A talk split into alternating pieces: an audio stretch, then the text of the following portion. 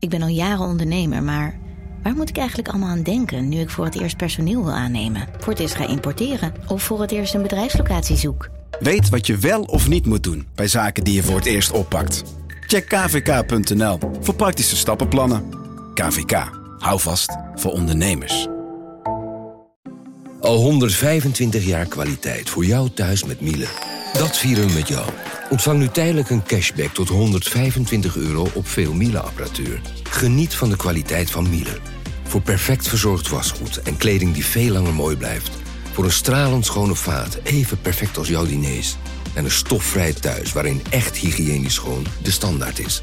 Check miele.nl voor alle feestelijke aanbiedingen. Vanaf de redactie van NRC het verhaal van vandaag. Mijn naam is Thomas Ruip.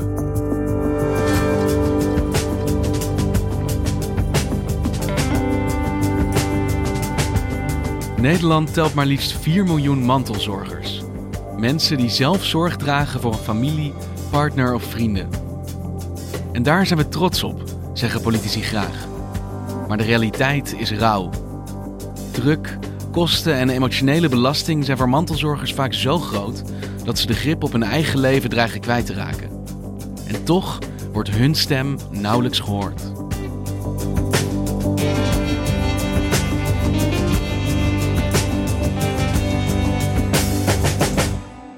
Het begint met een pannetje soep maken, één keer in de week bij uh, oude ouders. Uh, het begint met uh, je echtgenoot helpen met aankleden, omdat het niet meer gaat. En dat wordt langzaamaan steeds meer. Enzo van Steenbergen schrijft al jaren over zorg voor NRC en werkt aan dit verhaal samen met zorgredacteur Frederik Weda. En eigenlijk komen wij de hele tijd mensen tegen die voor uh, familie zorgen, die voor vrienden zorgen. Stel je bent in een uh, verpleeghuis en je gaat daar een reportage maken. Dan lopen daar altijd wel partners rond van mensen met dementie bijvoorbeeld.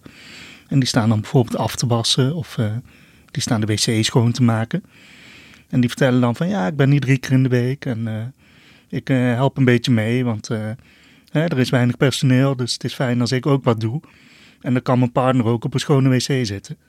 Zeg maar zulke momenten dat je denkt van nou, er wordt best veel van u gevraagd. Je ziet ze dus vaak op de achtergrond van het decor van het verhaal wat je schrijft. Dus je schrijft over een verzorgingstehuis en zij lopen daar ook rond, maar ze zijn niet het onderwerp van de verhalen. Zo zou je het kunnen zeggen, ja. Er wordt in de zorg zoveel gerekend op mensen die gratis zorg erbij uh, verlenen voor hun, uh, voor hun naaste, voor hun geliefde. die nemen de professionele zorg zoveel uit handen dat die mensen eigenlijk ook een keer het verdienen om in het middelpunt van de belangstelling te staan.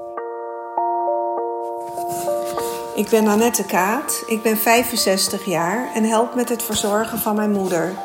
Ze is 89, lijdt aan de ziekte van Alzheimer en woont nog op zichzelf. Ik ben Annelou IP, 60 jaar en ik ben antropoloog en onderzoeker aan de universiteit. Mijn man heeft sinds 11 jaar de ziekte van Parkinson en dementie. Sindsdien zorg ik voor hem. Ik ben Robert-Jan Beun, 61 jaar en universiteitsdocent aan de Universiteit Utrecht. Ik ben verantwoordelijk voor de zorg voor mijn moeder die in Katzand woont en dementie heeft. Het uh, uh, Sociaal Cultureel Planbureau doet daar onderzoek naar. Blijken enorm veel mensen uh, te zijn. meer dan 4 miljoen mensen. Dus mensen die zeg maar, op een informele manier zorgen voor een, een, naaste. Er zijn meer dan 4 miljoen mensen in Nederland die zichzelf mantelzorger mogen noemen. Ja, ja. En ongeveer 750.000 mensen, dus ook enorm veel, die doen dat wat dan heet langdurig en intensief. En dat betekent meer dan 8 uur in de week uh, voor meer dan drie maanden achter elkaar. Dus een volle dag per week minstens bezig zijn met zorgen voor iemand anders. Ja, en dat is dus een leven naast je eigen leven. En er is nooit iemand die de schijnwerper op hen zet en eens vraagt: gaat het wel goed met je? En dat hebben we nu dus wel gedaan. Ik ben Judith Heres, 54 jaar. Ik zorg voor mijn moeder, die op Texel woont. Maandenlang ben ik elk weekend naar Texel gegaan. Een half jaar lang bestond mijn leven dan ook vooral uit werken en het helpen van mijn moeder. En op welke manier ben je dat gaan onderzoeken? Uh, dus we hebben een artikel gepubliceerd over een mantelzorger. En bij dat verhaal hebben we uh, gevraagd: uh, zijn er meer mensen die iets dergelijks meemaken? En uh, zijn jullie bereid om je verhaal met ons te delen? En dat leverde enorm veel reacties op. we hebben ongeveer 110 brieven gekregen. en dat zijn dan niet brieven van drie zinnen. Sommige mensen schrijven echt kantjes vol over wat zij meemaken, hoe hun leven eruit ziet. Wat ze allemaal doen voor hun, hun geliefde en hun naasten. En welk beeld uh, komt eruit naar voren? De zorg voor mijn moeder heeft grote impact op ons leven. Ook omdat ze op 200 kilometer afstand woont. Ik ben enig kind en ben opgegroeid zonder vader. Elf jaar geleden kreeg mijn man de ziekte van Parkinson. En sinds drie jaar is daar dementie bijgekomen. We hebben geprobeerd om de zorg thuis te organiseren. Dat is acht jaar gelukt, totdat ik zelf hartproblemen kreeg en hij naar het verpleeghuis moest. Ik ben managementassistent geweest in een academisch ziekenhuis. Maar eind vorig jaar heb ik besloten met vervroegd pensioen te gaan. Door het werk en de mantelzorg had ik geen tijd meer voor mijn vijf kinderen, mijn kleinkinderen, mijn echtgenoot en voor mezelf. Het beeld dat eruit naar voren komt is eigenlijk een heel rauwe werkelijkheid. Uh, mensen die jarenlang zichzelf wegcijferen voor een ander en mensen die eigenlijk hun eigen leven helemaal stilzetten om voor een ander te kunnen zorgen. Hun eigen hobby's, soms hun eigen werk, hun eigen vriendenkring. Ze zien hun vrienden niet meer, ze gaan niet meer sporten, ze gaan niet meer naar de, naar de bridge club. Ze gaan minder werken, ze raken soms overspannen. Uh, en dat al het eigene dat ze hebben in het leven, halen ze eruit om maar de tijd te kunnen vrijmaken om voor die ander te zorgen. Mijn naam is Suzanne Kastermans. Ik ben 53 jaar, woon in Venlo en heb anderhalf jaar lang intensief voor mijn bejaarde ouders gezorgd aan de andere kant van het land. Dus eigenlijk heel veel mensen geven een opsomming. Toen mijn moeder ongeneeslijk ziek werd, begon de echte mantelzorg. Van wat ze allemaal doen? Ik ging mee naar artsen, nam de administratie over en regelde allerlei dingen. Uh, de afwas, de administratie. Ik deed administratie, huishoudelijk werk, koken, boodschappen, schoonmaken. Het huishouden, de was en de wekelijkse boodschappen. Iemand helpen met naar de wc gaan, iemand helpen met naar de douche gaan. Ik regelde zorgverleners en moest oppassen dat mijn moeder niet viel. Dus eigenlijk de kleine praktische dingen die nodig zijn om een leven in goede banen te leiden. Ja, wat ik zelf een mooi voorbeeld vond was een uh, uh, dochter die, voor uh, die woont in Venlo, woont zij. Haar vader woont in Dordrecht. En uh, die vertelde van ja, dan belt mijn vader. Nu mijn vader alleen is, verwacht hij nog steeds dat ik allerlei problemen snel kan oplossen. En die weet niet waar de batterijen in zijn rookmelder liggen. En dan moet ik dat maar weten, maar ja. Toch kan ik vanuit Venlo niet gelijk een batterij in zijn rookmelder vervangen. En uh, nou, het kan zijn dat mensen dan zelfs uh, 200 kilometer gaan rijden om die rookmelder maar weer aan de praat te krijgen. Want anders maken ze zich ook weer zorgen dat hij het niet doet. Uh, dat zijn de praktische problemen waar mensen tegen aanlopen. Ja. Erger nog, schrijven veel mensen dan, zijn de, is de emotionele belasting. Uiteindelijk zijn al die praktische hindernissen nog niet eens het ergste. Dat vind ik vooral het beslissen voor anderen die dat zelf niet meer kunnen. De emotionele vragen waarmee ze te maken krijgen. Wordt het niet tijd om te verhuizen? En waar naartoe dan? Wordt het niet tijd om een invalidekaart aan te vragen? En hoe dan? Hoe gaat het straks? Uh, als hij niet meer thuis kan wonen. En wanneer is het tijd voor de hospice? Wanneer moeten we vragen om palliatieve sedatie? Moeten we denken aan euthanasie? Dat soort beslissingen zijn het allerzwaarste. Maar ja, jij moet de knoop doorhakken, want de ander kan het niet altijd meer. Want het zijn gigantische beslissingen, uh, nou ja, levensveranderende of soms zelfs beëindigende beslissingen, die je dus voor iemand anders moet nemen. Iemand die dat zelf niet meer kan. En dat doet iets met je. Een dochter die zei van ja, ik help mijn vader nu met douchen en dan zie ik hem verward, vermagerd en naakt.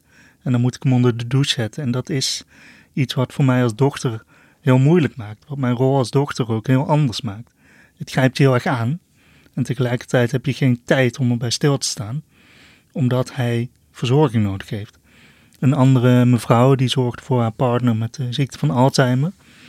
En die zei van ja, ik ben eigenlijk al jarenlang in een rouwproces. Want ik ben afscheid aan het nemen van mijn man, terwijl hij nog leeft. Ja, en je kan natuurlijk geen echt afscheid nemen op het moment dat iemand nog steeds zorg nodig heeft. Nee, dus mensen voelen zich ook schuldig over. Van, ik heb een gevoel van rouw, terwijl mijn man nog leeft. Mag dat wel? Ja, en de impact is dus ook groter dan alleen uh, de momenten dat je dus actief met die zorg bezig bent. Maar het beïnvloedt dus ook ja, je gesteldheid daarbuiten. Ik ben er continu mee bezig, ook in mijn hoofd. En door de vele telefoontjes van mijn moeder. Mijn moeder hangt ook erg aan me. Nu ze in het verzorgingshuis woont, heb ik gezegd dat ik even een paar weekenden niet kan komen. Dat maakt haar erg somber. Ze zegt dat ze me mist. Ja, er was een meneer die had eh, ruzie in de familie gekregen. Want de een dacht anders over de verzorging van uh, vader dan de ander. Ja, en dan moet je dan met elkaar zien uit te komen. De dementie van mijn moeder is niet eens het werkelijke probleem. Een vriendin van mijn moeder ging de baas spelen toen ze langzaam ziek werd. Ze wilde mijn moeder beschermen tegen de grote boze buitenwereld. En helaas viel ik er ook onder.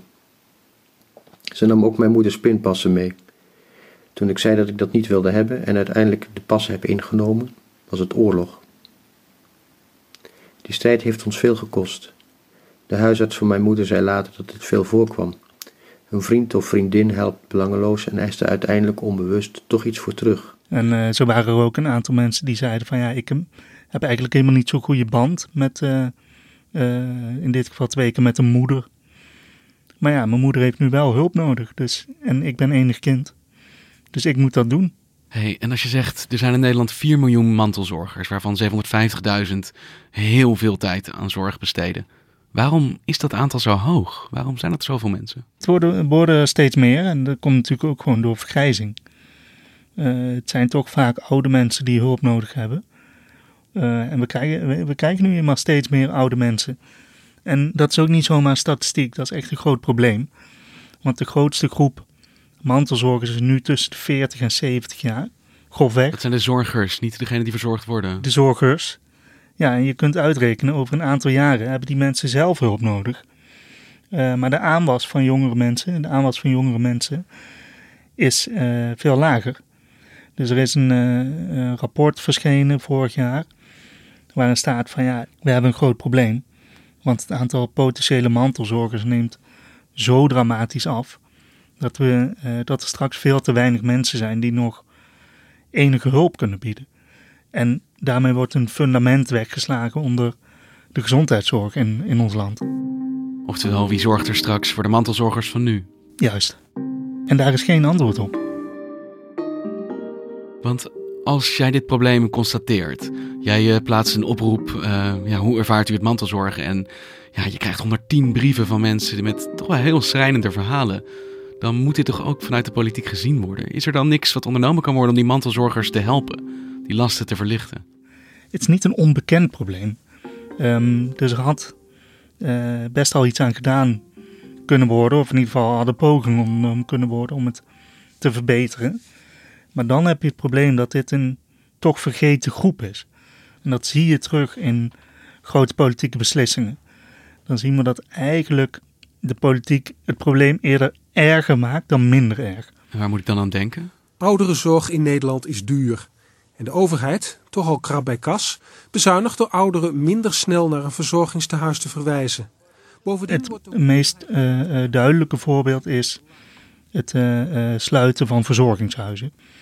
Dus er is in um, enkele jaren geleden een politiek akkoord gesloten, was om de staatsbegroting te redden.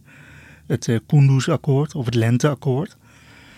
En in dat akkoord is een van de maatregelen, we gaan de um, we gaan het moeilijker maken om in het verpleeghuis te komen. Waarom? Uh, want mensen willen langer thuis wonen, zo lang mogelijk. Dus we gaan de zorg thuis verbeteren voor ouderen. En we gaan het. Um, mensen moeten uh, zieker en hulpbehoevender zijn. voor ze van ons nog toegang krijgen tot het verpleeghuis. Maar het argument is daar dat het zou beter zijn voor de ouderen. Want het is voor hen prettiger om maar zo lang mogelijk thuis te wonen. Ja, dat is het argument. En mensen willen natuurlijk ook zo lang mogelijk thuis wonen. Dus dat is niet helemaal um, onzin. Maar in de praktijk heeft het zo uitgewerkt dat er grote groepen ouderen eigenlijk te hulpbehoevend zijn, maar nog wel thuis wonen. En alle problemen waar zij tegenaan lopen, Uh, daarvoor kloppen ze toch eerst aan bij hun eigen familie, bij hun eigen vrienden, bij hun eigen partners. Er is een grote groep ontstaan die te hulpbehoevend is om zelfstandig te redden, maar nog niet hulpbehoevend genoeg om ook aanspraak te kunnen maken op plek in verzorgingstehuis. Ja, en nu zie je dus in de politiek dat daar dan weer oplossingen voor bedacht worden. Een logeerhuis in Terheide aan Zee. Ja hoor, heb je nou zoek gehad? Bedoeld om mantelzorgers even rust te geven. Dus je ziet uh, uh, VVD en D66, dat zijn regeringspartijen, die hebben nu bedacht van er moeten logeerhuizen komen. Uh, voor hulpbehoevende ouderen die thuis wonen. Die kunnen dan een paar dagen uitlogeren in een soort van verpleeghuis.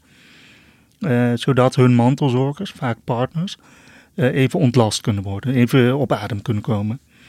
Maar ja, dat is natuurlijk eigenlijk het oplossen van een probleem dat is ontstaan door andere politieke beslissingen. Ja, want ik ga nu waarschijnlijk heel naïef klinken, maar jij beschrijft een vergrijzende populatie, steeds meer oudere mensen die daardoor ook steeds meer zorg nodig hebben en een krimpend aantal plekken in verzorgingstehuizen. Dat is toch vragen om problemen? Ja, dat zou je wel zeggen, ja.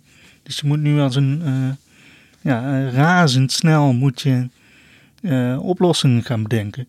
En moet je je bewust zijn, en volgens mij is dat het belangrijkste probleem, moet je ervan bewust zijn dat straks die mantelzorgers er niet meer zijn. Ik heb soms wel het idee dat, nou ja, misschien vanuit de politiek er um, ook wel met trots wordt gesproken over die mantelzorgers. Zeg maar wij als samenleving die voor elkaar opkomt, participatie, we zorgen voor elkaar. Het is de participatiesamenleving, zoals de overheid dat graag wil. Ja, de mantelzorg is enorm geliefd. Het is echt uh, het troetelkindje van, de, van politici en van machthebbers. Leden van de Staten-Generaal. Koning Willem-Alexander heeft de participatiemaatschappij heeft hij, uh, geïntroduceerd in zijn troonrede. Leidt het ertoe dat de klassieke verzorgingsstaat langzaam maar zeker verandert in een participatiesamenleving. Je hebt de minister van Volksgezondheid, Hugo de Jonge, die vorig jaar voor een grote groep, groep libellenlezers uh, zei van ja, de mantelzorgers, die zijn zo enorm belangrijk. Zonder mantelzorgers zou het leven meteen stoppen. Als we geen vrijwilligers hadden, dan konden we überhaupt het land helemaal niet runnen. En dat geldt voor de zorg al. Je hebt de VVD die ooit een lijst heeft gepubliceerd met redenen om op Mark Rutte te stemmen. Waarvan een van de redenen was, Mark Rutte vindt uh, mantelzorgers top. En zo is eindeloos een lijst van politici en nou ja, zelfs de koning dus die uh, voortdurend maar zeggen hoe belangrijk mantelzorgers zijn. En je kunt je, je kunt je afvragen, als je dan ziet welke beslissingen worden genomen in Den Haag, of uh, die woorden niet een beetje loos zijn. Want wat wordt er wel geregeld voor mantelzorgers? Uh, wordt er iets gedaan om hen te ontlasten of te helpen vanuit de staat? Ja, er zijn allerlei programma's. We begrijpen dat het af en toe wat veel is om ook mantelzorger te zijn. Vooral vanuit de gemeente. Daar kunnen wij jou bij helpen. Zodat je na al die drukte ook nog even tijd hebt voor jezelf. Ben of ken jij een mantelzorger? Dus je hebt dingen als het mantelzorgcompliment. Dat is bijvoorbeeld een uitje, één keer per jaar voor mantelzorgers. Een uitje? Ja, eh, na een concert bijvoorbeeld. Dat wordt ook georganiseerd voor mantelzorgers? Ja, zodat ze een avondje uit kunnen. En geld? Want als jij veel tijd besteedt aan zorgen voor iemand anders, is dat natuurlijk ook tijd die je niet kan gebruiken om te werken en zelf geld te verdienen. Zijn er subsidies of potjes? Er is ook wel geld voor uh, uh, bepaalde groepen mantelzorgers, zodat ze uh, dingen kunnen regelen. De gemeente Roermond die kiest voor een waardering in de vorm van een geldelijke tegemoetkoming. Er is niet één algehele regeling waar mensen aanspraak op kunnen maken. Het is bijvoorbeeld niet zo van ik werk een dag minder, dus krijg ik die dag betaald van mijn gemeente. Je hebt wel bedrijven die hebben bijvoorbeeld lief- en leeddagen. Uh, dan kan je uh, een dag uh, opnemen omdat je voor iemand zorgt. dus dat soort dingen zijn er wel. Maar echt een pot geld waar je aanspraak op kunt maken, die is er in veel gemeenten niet. Steeds meer mantelzorgers in Westland staan onder druk. En er komen steeds meer mantelzorgers bij. En lang niet alle mantelzorgers weten dat zij onder voorwaarden een vergoeding van 100 euro kunnen krijgen. Het verschilt heel erg per gemeente waar je aanspraak op kunt maken. Maar er, zijn, er is hulp. Uh, mensen kunnen door de gemeente bijgestaan worden. Wat bijvoorbeeld heel erg helpt is uh, dagbesteding. Dus uh, een hulpbehoevende wordt opgehaald met een busje, gaat een dag naar een boerderij om daar te helpen, bijvoorbeeld. komt aan het einde van de dag weer terug. Dan is die mantelzorger ook een dag vrij. Dat mijn moeder van 89 nog thuis woont, kan dankzij de thuiszorg die twee keer per dag komt. Ook de begeleiding op de dagbesteding bij de Buitenhof in Amsterdam Buitenveldert is geweldig. Mijn moeder eet daar ook een warme maaltijd als lunch. De chauffeur... In sommige gemeenten is dat heel goed geregeld. Er zijn heel veel mogelijkheden. In andere gemeenten is er bijna niks. Uh, dus er zijn mogelijkheden, uh, maar die zijn niet altijd genoeg. En ze worden ook niet altijd goed gevonden. Zonder de bijdrage van al deze mensen en de manier waarop ze dat doen, zou ik de mantelzorg niet volhouden. Nou, aan de ene kant klinkt het natuurlijk als iets schitterends. Hè? We hebben 4 miljoen mantelzorgers, 4 miljoen mensen die een offer brengen om te zorgen voor een ander en daarmee het systeem ontlasten. Maar ja, als je die verhalen hoort, dan denk je toch, dit is een onhoudbare situatie. Want mantelzorgen, eh, ja, het betekent natuurlijk zoveel verantwoordelijkheid, zoveel tijd en emotie.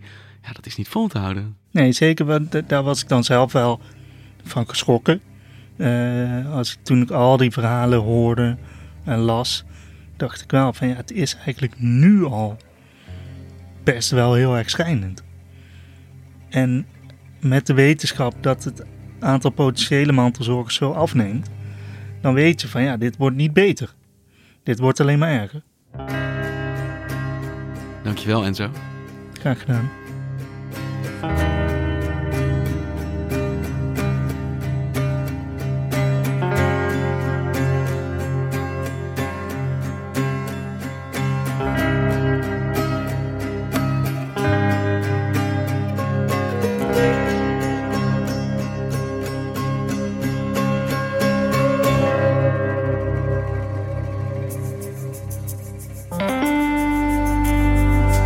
Luisterde naar vandaag, een podcast van NRC.